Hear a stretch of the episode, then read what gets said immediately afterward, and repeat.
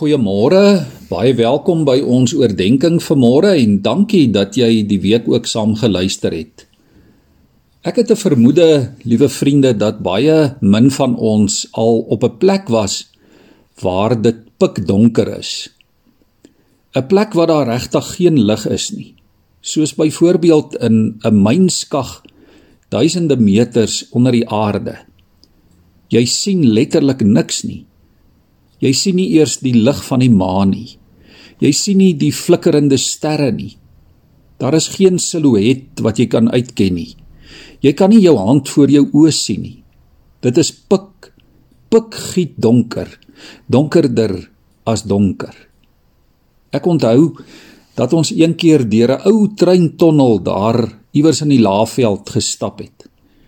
En in die middel maak die tonnel so 'n buiging waar jy letterlik nie die lig aan die begin of aan die einde van die tonnel kan sien nie. Ek onthou hoe benoud ons almal vir 'n oomblik was totdat jy weer die lig sien.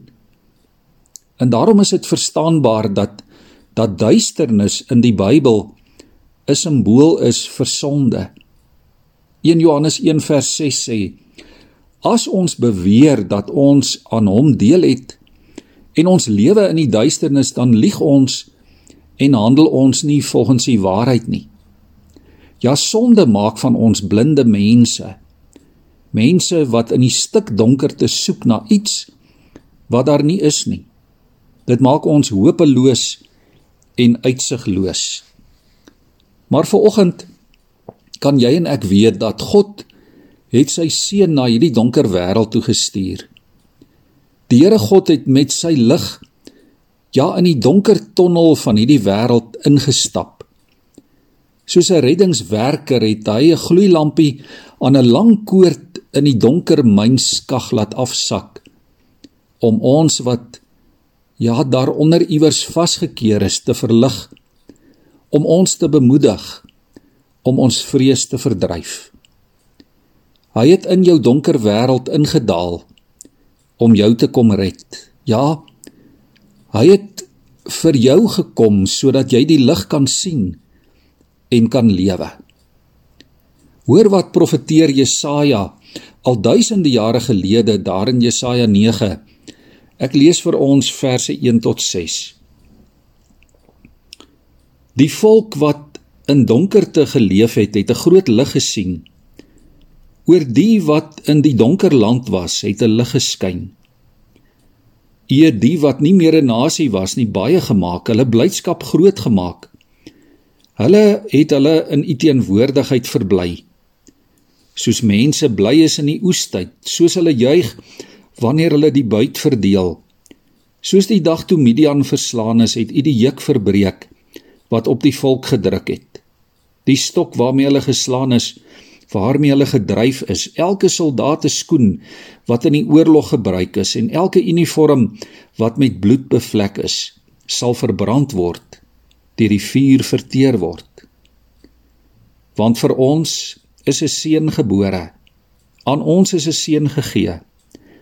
Hy sal heers en hy sal genoem word wonderbare raadsman, magtige God, ewige Vader, vredevors sy heerskappy sal uitbrei en hy sal vir altyd vrede en voorspoed bring.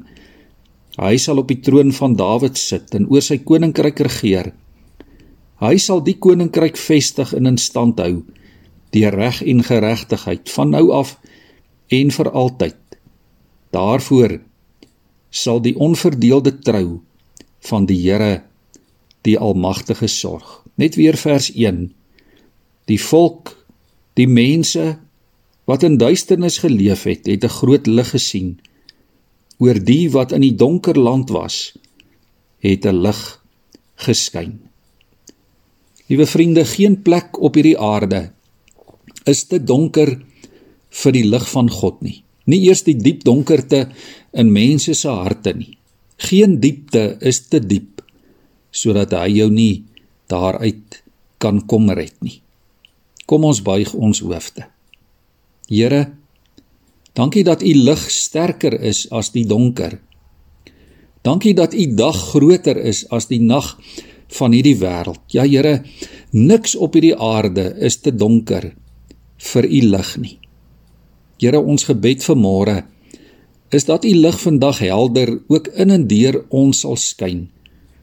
Here, sodat u heerlikheid die wêreld rondom ons kan verlig. Gee vandag u lig waar dit ook donker is in mense se harte. Amen.